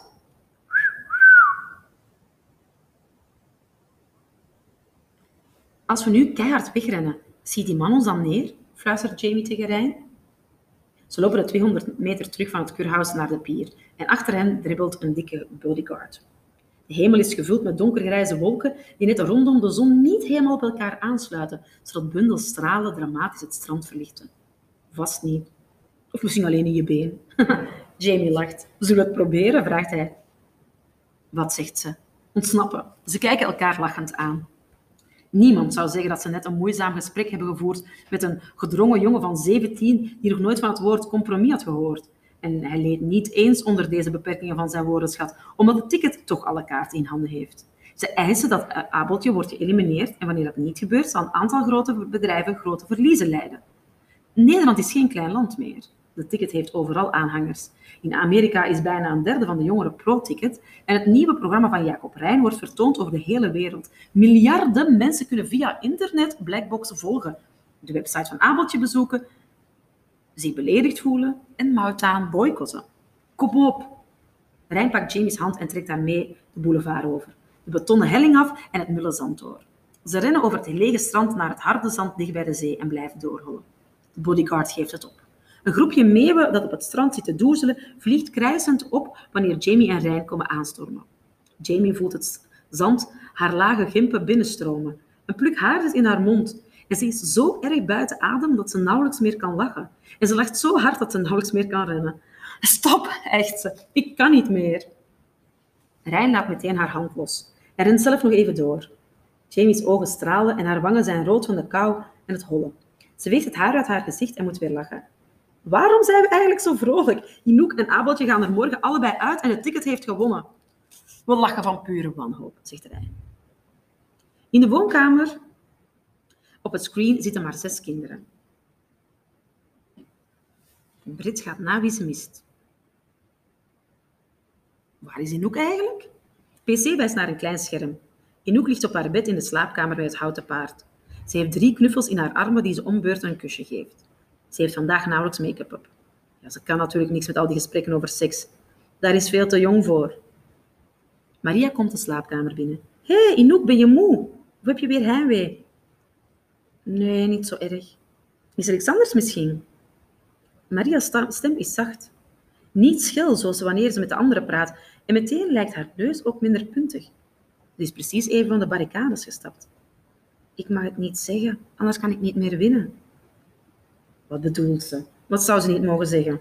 PC haalt zijn schouders op. Misschien kan je het wel aan één persoon vertellen. Ik kan heel goed geheimen bewaren. Die mevrouw zei dat ik het aan helemaal niemand mocht vertellen, anders krijg ik geen geld. Brit begrijpt het niet. Zou Simone al Anouk verteld hebben dat ze naar huis mag omdat ze zoveel heimwee heeft? PC schakelt heel snel over naar de huiskamer. Vorig jaar gaf een meisje van mijn tekenles een feestje. Dat was omdat ze niveau C had gehaald. Ze was 14. Nelly blijkt een hele verzameling t-shirts met zwart-witte strepen te hebben en draagt ze met zichtbaar plezier. En dan al op niveau C, dat heeft ze goed gedaan. Vast, dat meisje had haar partijtje in het upgrade centrum in Alkmaar en het was best grappig. Maar ze ging de hele tijd aan haar vragen met wie ze nou naar bed wilde en dat vond ik een beetje raar. Ik bedoel, misschien wil je een keer met een jongen naar bed als je verliefd bent of zo, ik weet niet. Maar als je er gewoon zo over praat op een feestje, vind ik het echt een vies idee dat kinderen dat doen. Brit lacht. Toen zij twaalf was, vond ze het ook een smerig idee dat mensen seks hebben. Met al dat bloot en spuug en slijm en zaad. Gewoon zoenen leek haar al vies. Het idee van iemands tong in je mond. Blah. We hebben behoefte aan meer actie, zegt PC. Verder dan deze filosofische gesprekken gaat volgens mij niet. Zou dat echt de invloed van het ticket zijn? Toen ik een tiener was, deden we allemaal veel giecheliger over jongens. We zagen ze echt niet als de oversekste vijand. Nu, als die kinderen niet voor actie zorgen, dan moeten de medewerkers het maar doen. Iemand moet toch seks hebben op de pier de komende maand? Jamie loopt naast Rijn over zonnig zand. Ze is nog steeds een beetje buiten adem van het hollen. Ik denk eigenlijk dat het Blackbox alleen maar goed zal doen om die twee kleintjes kwijt te raken. Dan kunnen mensen zich concentreren op de andere vijf, die echt leren kennen. Dan wordt er iets minder met knuffels gespeeld. Ja, er zullen wel minder dierenfeesten onder het baldakijn worden gegeven. En hoe bevalt het zo tussen de oudjes? Heimwee naar al je vriendinnen in Utrecht? Het is duidelijk dat hij bewust een belangstellende vraag stelt. Zouden alle redactieleden recht hebben op een bepaalde hoeveelheid onverdeelde aandacht van Rijn? Een soort functioneringsgesprek? Niet zo overdrijven, zegt Jamie. In haar hoofd zijn al haar gesprekken met Rijn geweldig. Maar in het echt raakt ze bijna altijd meteen geërgerd. Alsof Brit en jij zo oud zijn. En alsof ik zo jong ben. Was jij zo jong op je zeventiende? Nee. Wel dan? Maar, maar ja, ik woonde toen in New York en ik was bezig met mijn tweede documentaire. Stoer hoor, zegt Jamie. En ze trekt er een minachtende blik bij. Wat bedoel je daar nu weer mee? Helemaal niks. Ik ben zo jong dat ik niet weet wat ik zeg. Och, kom aan zeg. Nu, als je het echt wil weten, dat wil ik, ja. Mannen worden bij het ouder worden alleen maar aantrekkelijker. En als ze verontwaardigd zijn, worden ze alleen maar begeerlijker. Waarom beloont de natuur oud en verontwaardigd? Ik vind het gewoon dat je soms zo ontzettend superieur doet. Mannen mogen best een beetje arrogant zijn. Dat is alleen maar leuk, maar is dat leuk? Misschien, maar jij bent echt te zelfverzekerd. Terwijl, ja, zeg nu zelf, hoe succesvol is Blackbox nu helemaal?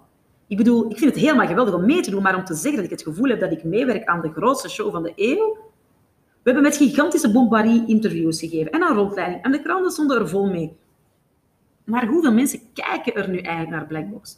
Fuck you, zegt Rijn. Fuck you. Wat weet jij daar nu van? Ja, ik weet het. Je bent stokoud voor je leeftijd. Maar wat weet jij nu van programma's maken? Wat weet jij nu van mijn leven? Zijn stem komt ver boven het geluid van de golven en het blazen van de wind uit. Denk je echt dat ik zelfverzekerd ben? Ja. Eens in de drie jaar, wanneer er een documentaire af is en ik word overladen met de goede recensies en prijzen, dan ben ik een maand lang arrogant. Maar met die zelfverzekerheid moet ik jaren doen. Terwijl ik geld probeer los te krijgen voor een idee waar niemand iets in ziet. Terwijl ik maandenlang film in een casino in Moskou, terwijl mijn cameraman ontslag neemt en ons busje wordt gestolen. Ik zeg niet dat ik het zo zwaar heb hoor. Wat ik bedoel, wat ik bedoel is precies wat ik altijd heb gewild. En de laatste jaren begon het juist een beetje makkelijker te worden. Ik wist eindelijk wat ik kon. En wanneer ik het gevoel had dat een project totaal kloten was, dan ging toch door. Want uit ervaring wist ik dat het toch wel goed werd. Ja, misschien ben ik toch wel arrogant geworden. Hij stopt zijn handen in zijn zakken en begint langzaam richting de pier te lopen, die heel in de verte onder het dreigende wolken in de zee steekt. De bundels zon zijn verdwenen. Jamie loopt naast hem en zwijgt. Ze drukt haar nagels in haar handpalmen. Ze hoort de Rijn praten en begrijpt opeens hoe anders de wereld eruit ziet wanneer je een talent hebt. En wanneer je de noodzaak voelt om dat talent te gebruiken. Zij zal nooit genoeg hebben aan haar werk. Ze heeft een onbeperkte hoeveelheid vriendinnen nodig. Een man, kinderen, een hond, hobby's die zullen uiteraard nooit haar leven helemaal vullen, maar wel haar tijd. Ze zal nooit genoeg hebben aan zichzelf. Rijn wel. Blackbox is totaal anders, zegt hij. Ik heb geen idee waar ik mee bezig ben. En misschien zou ik er gewoon mee moeten kappen, ja.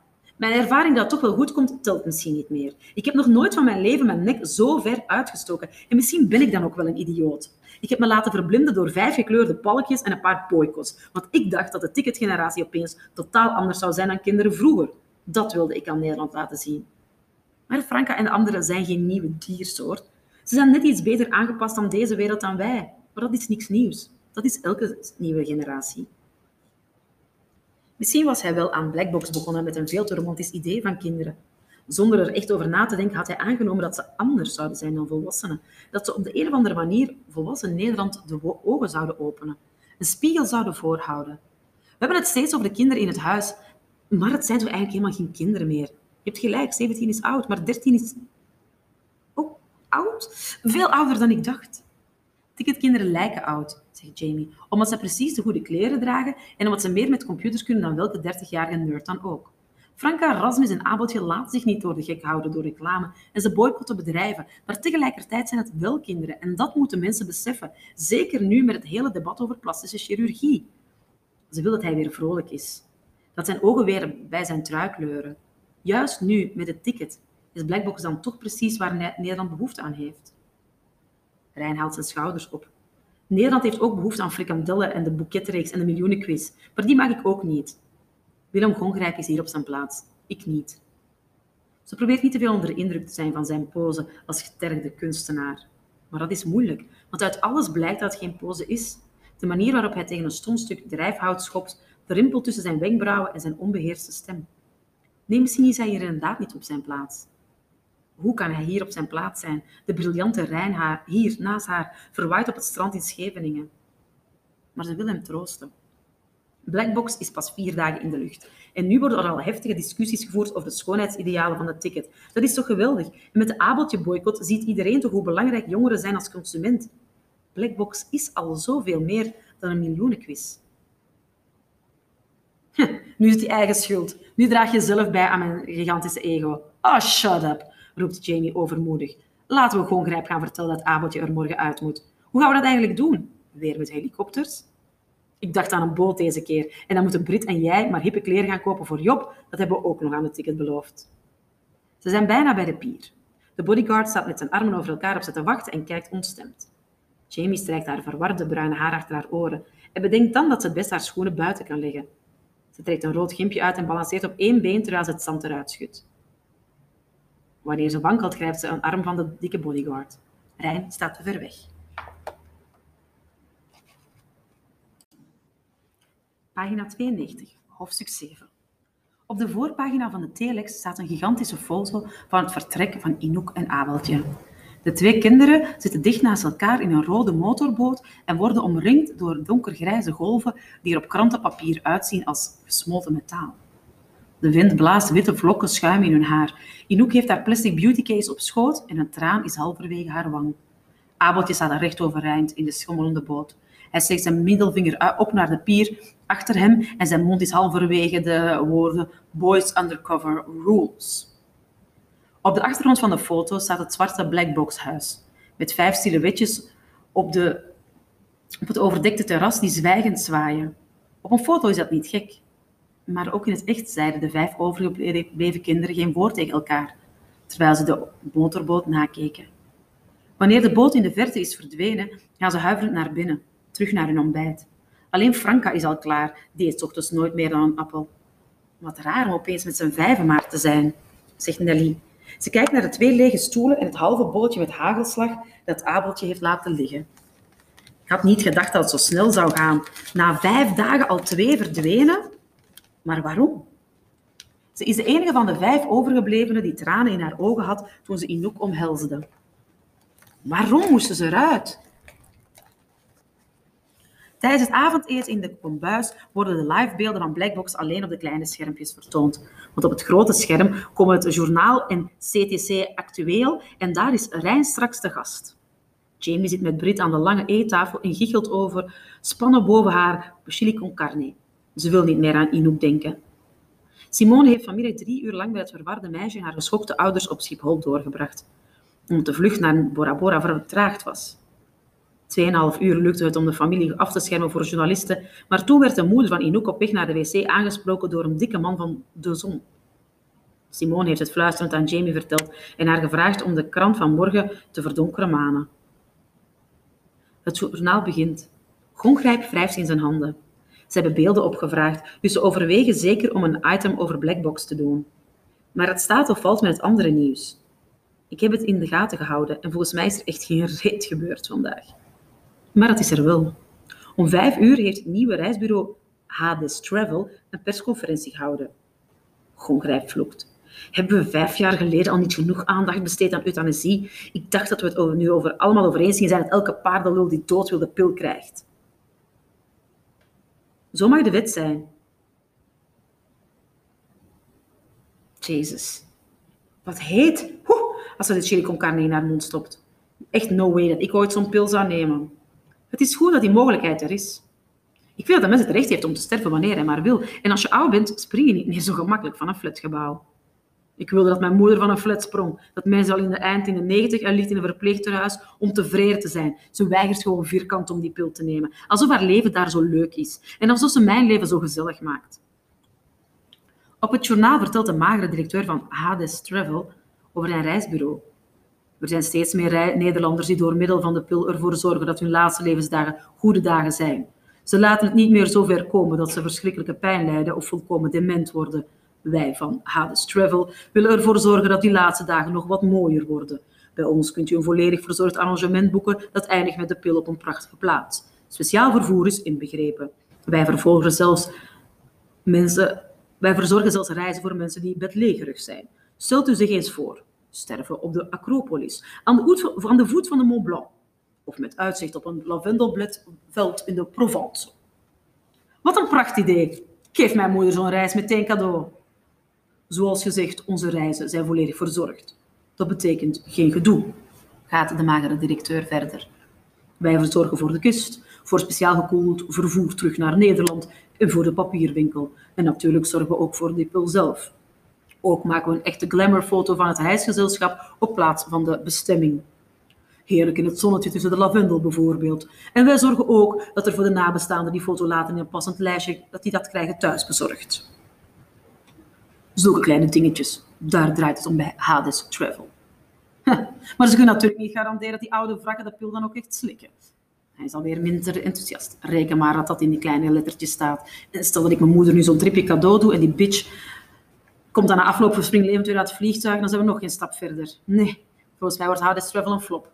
Niet zo onaardig over je moeder, Willem. Simone schudt haar hoofd. Daar ben je toch geen moer van? Ze was al zo oud toen de pil legaal werd. Dat was allemaal toch veel te ingewikkeld voor haar. Voor jonge mensen is het anders toch? Zeker. Ik vind het een fijn idee dat ik dood mag gaan wanneer ik echt wil. En op een menselijke manier, zonder pijn, zonder dat ik mijn hersens op straat moet laten spatten. En zo'n reis is eigenlijk nog zo gek niet, zegt Brit. Het lijkt me altijd een beetje katterig om helemaal allemaal rond zo'n steriel het ziekenhuisbed te staan terwijl iemand die pil neemt. Stel je voor dat je in Londen kan doodgaan, midden op Trafalgar Square, na een laatste bezoek aan de National Gallery. Op het journaal geven een minister, een arts en een oudje commentaar op het nieuwe reisbureau, maar de mensen in de kombuis, kombuis luisteren niet. Ik zal naar Plakias gaan, op Kreta, zegt Jamie. Daar is een jeugdherberg, begroeid met bloemen, in een groen dal. En door dat dal stroomt een riviertje dat je kan volgen, helemaal tot aan een kleine waterval bij de Oude Brug. Het is totaal verlaten en doodstil en helemaal paradijselijk. Godver de godver de godver. Is de enige nog die het journaal volgt. Dat vind je met het peenhaar, is alweer bezig met het weer. En geen blackbox, allemaal door Hades Travel. Ze hebben onze zendtijd ingepikt. Simone wrijft kalmerend over zijn rug. Dat jij nog steeds geen maagsfeer hebt. Jacob komt toch zo bij CTC actueel? Dat is toch prachtig? Gongrijp trekt een pruiling, terwijl Jamie en Brit de dubbel vla eten die Andrea op tafel heeft gezet. Het is onrustig in de kombuis. Gewoonlijk eten de schoonmakers, het keukenpersoneel, de masseur en de fitnessinstructeur om zes uur, maar nu zijn ze blijven hangen om Rijn te zien. En er verschijnen zelfs een paar bakken chips en wat flesjes bier op tafel. Het begint. Jamie vouwt haar vingers zenuwachtig in elkaar. De vooraankondiging schalt door de kombuis. Straks gaan we op zoek bij de 80-jarige moeder van de directeur van Hades Travel. Maar eerst praten we met Jacob Rijn, die ons vertelt waarom het Blackbox-avontuur vandaag voor maar liefst twee kandidaten is afgelopen. Op het scherm ziet de kijker de tranen van Inouk en de middelvinger van Abeltje. Het wordt meteen stil in de eetzaal. Jamie heeft de tuttige studio van Actueel al zo vaak gezien, maar nu lijken de stoelen plots kleiner en de licht extra fel. Het is raar om Rijn op televisie te zien. Hij heeft mascara op en ze hebben zijn haar gekamd. Tegenover hem neemt de welbekende presentatrice van Actueel plaats. Haar smoky eyes stralen, haar felrode lippen lachen en haar borsten stralen ook. Ze heeft een zwart vestje aan met een kanten decolleté. Jamie beheerst zich en maakt geen hatelijke opmerking over deze vrouw die tien jaar ouder is dan zij. En nog steeds jonger dan Rij. Wat een slet, zegt Brit. Meneer Rij, begint de presentatrice. Hij, ze hijgt erbij alsof ze al samen met hem in bed ligt. Nederland is geschokt. Geweldig dat u langs wilde komen, want wij willen allemaal natuurlijk maar één ding weten. Waarom moesten Inouk en Abeltje er vandaag zo plotseling uit? Geef Blackbox toe aan de druk van het ticket. Rijn zit rustig op het felgele draadstoeltje. Hij draagt nooit jasjes, dus nu ook niet. Zijn blauwe trui is goed genoeg voor televisie. En Jamie moet toegeven dat het hem staat. Mannen zien er zo goed uit in pak om dat pakken verhullen. Maar dat heeft Rijn niet nodig. De presentatrice is absoluut dezelfde mening toegedaan. Zij vindt waarschijnlijk dat hij meteen zijn overhemd en een trui nodig heeft. En een broek is waarschijnlijk ook overbodig. Laat ons niet langer in het duister, meneer Rijn. Heeft Blackbox echt moeten buigen voor de wil van de ticket? Jamie zal zweren dat haar borsten verschillende uitdrukkingen aannemen terwijl ze praat. Het is dus niet zo gek dat Gongrijp alleen naar haar kijkt. Gelukkig concentreert hij zich op Blackbox en de ticket. Jazeker, voor eens en voor altijd hebben de ticketkinderen vandaag laten zien hoe invloedrijk ze zijn. Ik hoop dat nu eindelijk tot Nederland doordringt dat het ticket een van de machtigste lobby's ter wereld aan het worden is. We moeten ons standpunt bepalen. Het is jammer voor Abeltje dat zijn kans op 2 miljoen verkeken is, maar ik kan natuurlijk niet zo arrogant zijn dat ik denk dat de eliminatie van een blackbox-kandidaat een wereldschokkende gebeurtenis is. Hij laat een stilte vallen. En de presentatrice De borsten zijn al zo overheersend dat Jamie haar bijna overheen overgaan. Begint opgewonden te lachen. Mijn god, dat wijf druipt gewoon. Wat vinden vrouwen nu zo geweldig aan Jacob? Ik begrijp het niet. Maar het ticket kan ook zijn macht op andere manieren gaan gebruiken. Vervolgt Rijn. Ik zal geen voorbeelden noemen, want de ticket kijkt ook. Maar het is eigenlijk al precies wat ik bedoel. Een groep die zo machtig is als het ticket beperkt onze vrijheid om te zeggen wat we willen. Op dit moment durf ik als maker van Blackbox niet aan om kritiek op hen te hebben. En ik hoop van harte dat Nederland deze taak van mij overneemt. Jamie denkt terug aan gisteren. Aan hun ontsnappingspoging op het strand. In de derde klas was Jamie verliefd op een jongen uit een parallelklas. Ze praten nooit met hem, maar als hij in de pauze naar buiten ging, sleten ze haar vriendinnen ook mee naar buiten. En ze kenden zijn uurrooster uit het hoofd. Ze weet het nog steeds. maandagochtend had hij altijd eerst uur vrij en daarna tekenen. En wanneer zij naar het tekenlokaal liep, kwam hij in dezelfde gang juist uit het wiskundelokaal. Zulke kleine dingen, daar bestond haar leven toen uit.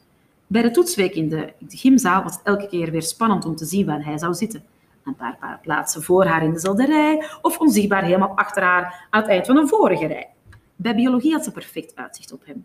En zag ze dat hij een flesje water bij zich had, maar een liter plak chocomelk en een glas. Een doodgewoon glazen glas. Daar in de gymzaal werd ze overvallen door een gevoel van algehele vertedering en wegsmelting.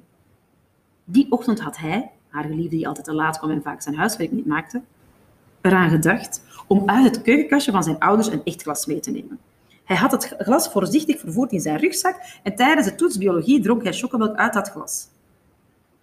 Jamie voelt weer die vertedering wanneer ze eraan terugdenkt. En nu is daar de trui van Rijn, die hetzelfde verrassende gevoel oproept. En Inouk dan, meneer Rijn? Waarom ging Inouk eruit? Inouk had heimwee. Niets meer, niks minder. Ik heb er uitgebreid over gepraat met Simone en Visser en Willem Gongrijp, de twee redactieleden van Blackbox die kinderen hebben. En het leek hen onverantwoord om Inouk nog langer in het programma te houden. Maar ik vond het erg jammer om haar kwijt te geraken. Dus van de geruchten is niks waar? Inouk is niet lastiggevallen door Job? En er is ook niemand van buitenaf het huis binnengedrongen? Wordt dat gezegd? Wat idioot. Het is ongelooflijk wat mensen altijd weer verzinnen. Nee, daar is niks van waar. En ik zou het ook heel schrijnend vinden als Inouk onder deze roddel zou moeten lijden. Heel Nederland ziet dat hij de waarheid spreekt. De eetzaal van de kombuis ziet het ook. En Gongrijp verslicht zich niet in zijn koffie. Jamie wordt niet rood en Simone maakt geen onbeheerste beweging waardoor haar bestek kletterend op de grond valt. Er is geen ongemakkelijke stilte. In de zon van de volgende dag, de krant, verschijnt een klein stukje waarin de moeder van Inouk vertelt dat ze het allemaal niet vertrouwt.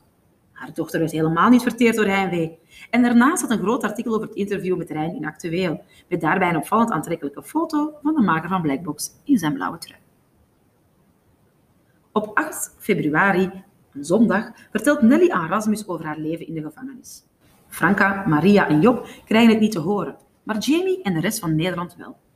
Nelly en Rasmus zijn samen op het dak van het Zwarte Huis geklommen en zitten op de rode stip waar de helikopters precies een week geleden landden. Wavy.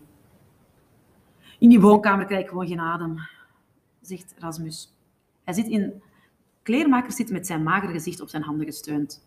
Een pluk lichtblond haar waait in zijn ogen. Ah, dat irritante haar. Zal ik het knippen? Haar zwarte krullen zitten in een elastiekje. Als ik een jongen was, zou ik mezelf kaal scheren. Waarom doe je dan nu niet? Duh, omdat ik een meisje ben. Maar misschien doe ik het wel. Alleen niet in de gevangenis. Dan ben ik een enge gevangene met een kaal hoofd. Jij hebt toch een zakmes, hè? Hé, hey, back off, hou je handen thuis. Als ze haar hand op zijn dijbeen legt. Hij haalt het zakmes zelf tevoorschijn. Dus je bent liever een enge gevangene met haar? Vervolg pagina 100. Hey, back off, hou je handen thuis. En hij haalt het zakmes zelf tevoorschijn. Dus je bent liever een enge gevangene met haar. Nelly giechelt. Ze kan heel meisjesachtig lachen, terwijl ze zich vaak jongensachtig gedraagt. Trouwens, wat zit ik er nu te doen? Weet ik veel of je niet gevangenis zit omdat je iemand overhoop hebt gestoken of zo? Ah, doe niet zo naar. Ze gaat op haar knieën achter Rasmus zitten en geeft een rigoureuze eerste knip zijn haar. Bij dat jullie over me geroddeld hebben, jullie hebben al zeker lang bedacht wat ik gedaan heb, toch? De kijker ziet dat Rasmus zich bewust is van de schaar in haar handen. Hij draait langzaam zijn hoofd om, zodat Nelly niet per ongeluk in zijn neus knipt en kijkt haar ernstig aan. Franka zegt dat je echt wel een moord gepleegd moet hebben, anders stoppen ze een kind niet in de gevangenis. Ha, Franka weet van niks. Kom op zeg, alsof ze moordenaar in dit huis gaan doen. Komt juist door haar stomme ticket dat ik nu zoveel straf heb. De hele tijd zit ze iedereen maar te vertellen dat kinderen precies hetzelfde zijn als grote mensen. Ja, die rechter geloofde dat dus. Daarom gaf hij mij een grote mensenstraf. Ik mocht geen kinderstraf. En toen waren er ook nog die aanslagen in Parijs. Ja, dat was echt vetpech. En toen werd iedereen, iedereen helemaal hyper. En alles wat ik wilde was gewoon een spannend avontuur. En nu weet je nog steeds niet wat ik gedaan heb. Goed, hè? Dat ik het ook nog niet heb gevraagd. Nelly geeft een paar laatste knipjes. Het korte, plukkerige haar staat Rasmus wel. Hij is op een avontuurlijke manier knap. Mijn beste vriend was jarig. En toen wilde ik hem een echt messie cadeau geven. Maar ik had niet zoveel geld. Dus toen bedacht ik om hem een avontuur voor zijn verjaardag te geven. Ik stuurde hem een brief en daar stond in dat hij op zijn verjaardag met de trein naar Amsterdam moest gaan. Hallo. Pagina 104. Het laatste interview. Scène 4. Holy shit, zei de journalist. Zat hij dat serieus allemaal te denken daar in de regiekamer? De grote en de kleine wereld. Ik dacht dat u alles wilde weten, ook mijn gedachten. Jamie nam een slok van haar thee, die al lang koud was. Dat is ook zo. Alleen, de journalist schudde zijn hoofd. Hoe kon je zo blind zijn? Hoe kon je nu denken dat jouw leventje daar op de pier alleen maar om kalverliefde en oppervlakkigheid draaide? Meisje, daar op de pier, dat was de grote wereld. Dat was zonder twijfel de belangrijkste maand van je hele leven. Terwijl jij zat te kwijlen op Rijn, besloten jullie over leven en dood. Oh, echt waar? Meent u dat nu? Was die maand belangrijk? Haar hart klopte met zware slagen in haar borst en deed letterlijk pijn. Haar hele lichaam deed pijn, maar ze stikte liever dan dat te laten merken aan de journalist. Ik vond het prachtig hoor, zei de journalist. Jullie schreven geschiedenis met Blackbox. Iedereen vond het prachtig. Maar we hebben het hier wel over echte mensen. Met gevoel, weet je. Ik bedoel, als kijker dacht je toch ook steeds een beetje... Het is een spel. Ze zullen die kinderen nooit echt pijn doen. Ze zullen er wel voor zorgen dat niemand doodgaat. Dat 15-jarigen niet voor de rest van hun leven beschadigd raken. Jamie deed haar ogen dicht. 17 is ze. En volkomen gezond. Tot een paar maanden geleden had ze nog nooit over nagedacht. Maar nu kijkt ze elke dag met verwondering naar haar gezonde lichaam. Met afschuw bijna. Haar lever werkt nog, haar nieren doen precies wat ze moeten doen. In haar gezicht is de huid gaaf en egaal, geen littekens. Ze heeft nog nooit van haar leven in het ziekenhuis gelegen. Nog nooit van haar leven is ze bijna dood gegaan. Ik pak boven een trui. Ik heb het koud, zegt ze kortaf. Prima hoor, de journalist lacht. Dan mag ik nieuwe thee. Is dat even gezellig? U begint hier de weg al te kennen. Pagina 106, hoofdstuk 8. Jamie ligt op Simone's bed en kijkt naar Blackbox. Haar gezicht wordt verlicht door de beelden van de lamp die brandt in de woonkamer van de kinderen. Op 100 meter afstand zitten Job, Franka en Rasmus in hun zwarte huis op zee. En hier ligt Jamie naar hen te kijken. Maar wat doet afstand er nog toe? Het maakt niets uit dat ze zo dicht bij de vijf Blackbox-kinderen woont. Mensen in Singapore, Austin en Dumfries zien op dit moment precies dezelfde beelden op hun laptop of telefoon. Het is over elven. Op het screen tokkelt Job in de woonkamer op zijn gitaar. Rasmus zit stil op een blauw fluwelen kussen en staart naar Jobs handen terwijl, zoals hij waarschijnlijk in Schotland zoals hij waarschijnlijk in Schotland lange avonden in het kampvuur staarde. Franka zit dicht bij een gouden schemerlamp met een roze deken over haar knieën en bladert in een leerboek Natuurkinderen.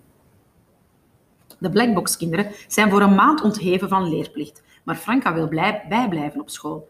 Dit avontuur mag haar geen punten kosten op de ticket. Vindt Franka aardiger geworden, zegt Jamie. Ze helpt Job echt. Hij is al zoveel zelfverzekerder dan een week geleden. En dat komt door haar. dat komt doordat Franka zo bezeten is van het ticket. Knort Brit. Ze wil hem bekeren, anders zou ze echt niet zo aardig doen. Als Job er nu gelukkiger van wordt. Ja, maar tegen welke prijs? Heel Nederland ziet nu dat je op miraculeuze wijze gelukkig wordt wanneer je dure kleren draagt, genoeg shell gebruikt en omgaat met een populair meisje. Als zichzelf was Job ongelukkig. En pas wanneer hij zich aanpast en verandert en meeloopt, is het opeens goed. Leuke les. Jamie haalt haar schouders op. Wat is er tegen leuke kleren? Alsof Job echt zichzelf was toen hij die veel te strakke spijkerbroeken en rare ruitblouse droeg. Wat ben je eigenlijk aan het lezen? vraagt ze aan Brit. Een boek over de evolutie. Het is grappig hoe alle cosmopolitan wijsheden opeens puur op biologie blijken te rusten. Hier hebben ze bijvoorbeeld een onderzoek gedaan in Amerika. Als een aantrekkelijke vrouw zomaar aan een man vraagt of hij die avond met haar wil uitgaan, zegt de helft van de mannen ja. Omgekeerd zegt ook de helft van de vrouwen ja. Maar wanneer de vraag is, wil je vanavond met me naar bed gaan, zijn de resultaten heel anders. Dan weigeren bijna alle vrouwen, terwijl driekwart van de mannen toestemt. En bijna alle mannen die weigeren, vragen of het misschien een andere avond kan of leggen uit dat hun vriendin net in de stad is. Mannen willen dus de, dolgraag de garantie dat er seks komt, terwijl bij vrouwen bij die garantie massaal afhaken. Herkenbaar, toch? En wat is dan de biologie erachter? Maar de gesprekken hier op de pier gaan vaak over seks. Alsof de wereld het nodig vindt om een spandoek in haar gezicht te duwen. Jij hebt nog nooit seks gehad en wij wel. Haha, ha. daarom praten we er zoveel mogelijk over. Mannen willen zoveel mogelijk seks met wie dan ook. Voor hen doet dat theelepeltje sperma dat ze investeren er echt niks toe. Vrouwen daarentegen willen alleen seks met een echt goede partner, want alleen van een echt goede partner willen ze kinderen krijgen. Hebben ze nog nooit van de pil gehoord? Miljoenen jaren lang niet, nee. En die miljoenen jaren lang hebben ons gevormd. Maar nu is die pil er wel, dus dat geldt toch allemaal niet meer? Maar dat is juist de grap. Natuurlijk geldt de biologie nog wel. Dat verandert niet in een halve eeuw. Maar ons dagelijks leven is inderdaad wel totaal anders geworden. En dat kan heel verwarrend zijn. Vrouwen kunnen nu wel met iedereen naar bed, maar ze worden wel nog steeds een slet genoemd. Het nieuwe gedrag is nog altijd niet geaccepteerd. Jamie kijkt naar Brits geïnspireerde gezicht. Brit is op haar meest enthousiast wanneer ze praat over ideeën en theorieën, haar universitaire lulverhalen, zoals Grongrijp ze noemt. Misschien is Brit wel zo'n vrouw die geluk kan vinden in de grote wereld, overweegt Jamie. Ze hoopt het, want Brit lijkt niet echt geïnteresseerd in de kleine wereld. Jamie heeft daar nog steeds niet over haar vriend gehoord, terwijl die twee al samenwonen. Dan moet je toch een belangrijk deel van elkaars leven zijn. En dan moet je elkaar toch missen wanneer je opeens zo ver van elkaar gescheiden bent, en zo lang.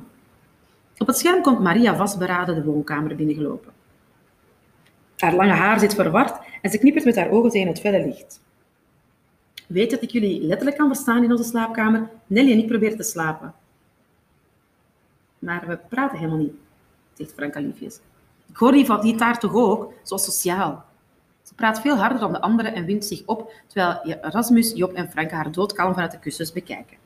Het is jammer voor Maria dat Inouk eruit is, want ze heeft nu geen vriend meer over in het huis. Nelly komt ook de kamer binnen, gekleed in een lang t-shirt met groene schapen. Wat zijn jullie hier aan het gillen?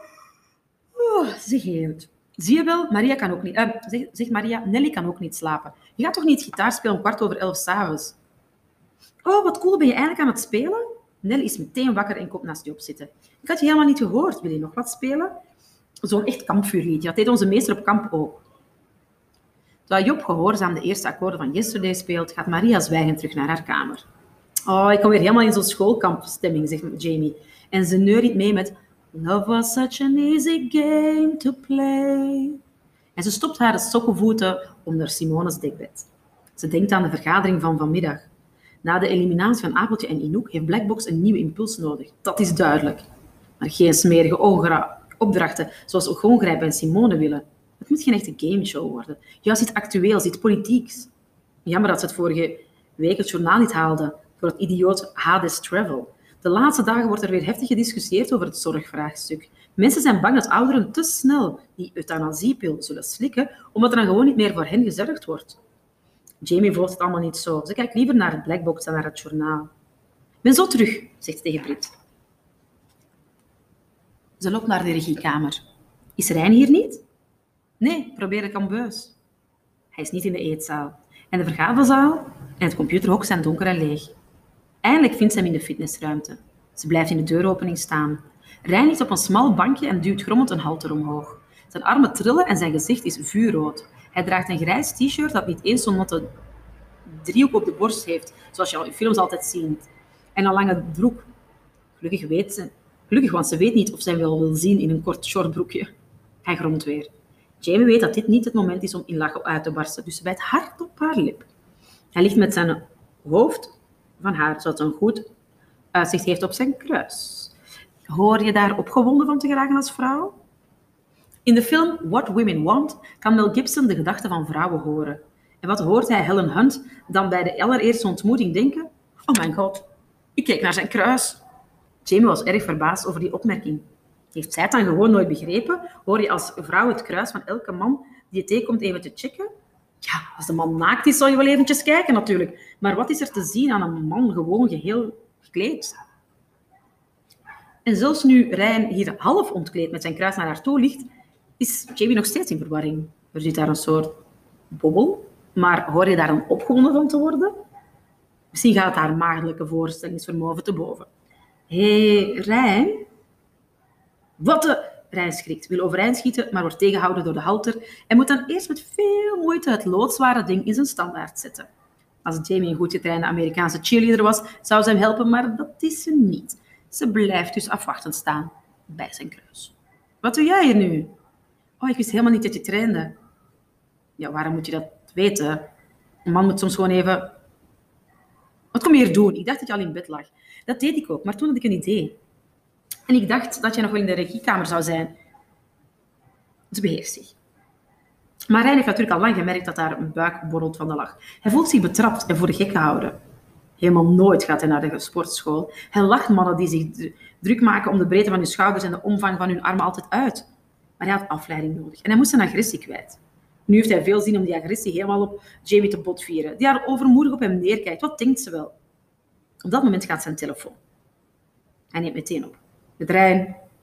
Ah, wat leuk dat je belt. Ja, natuurlijk heb ik je uitzending over het ticket gezien. Je deed het fantastisch. Jamie weet meteen wie het is.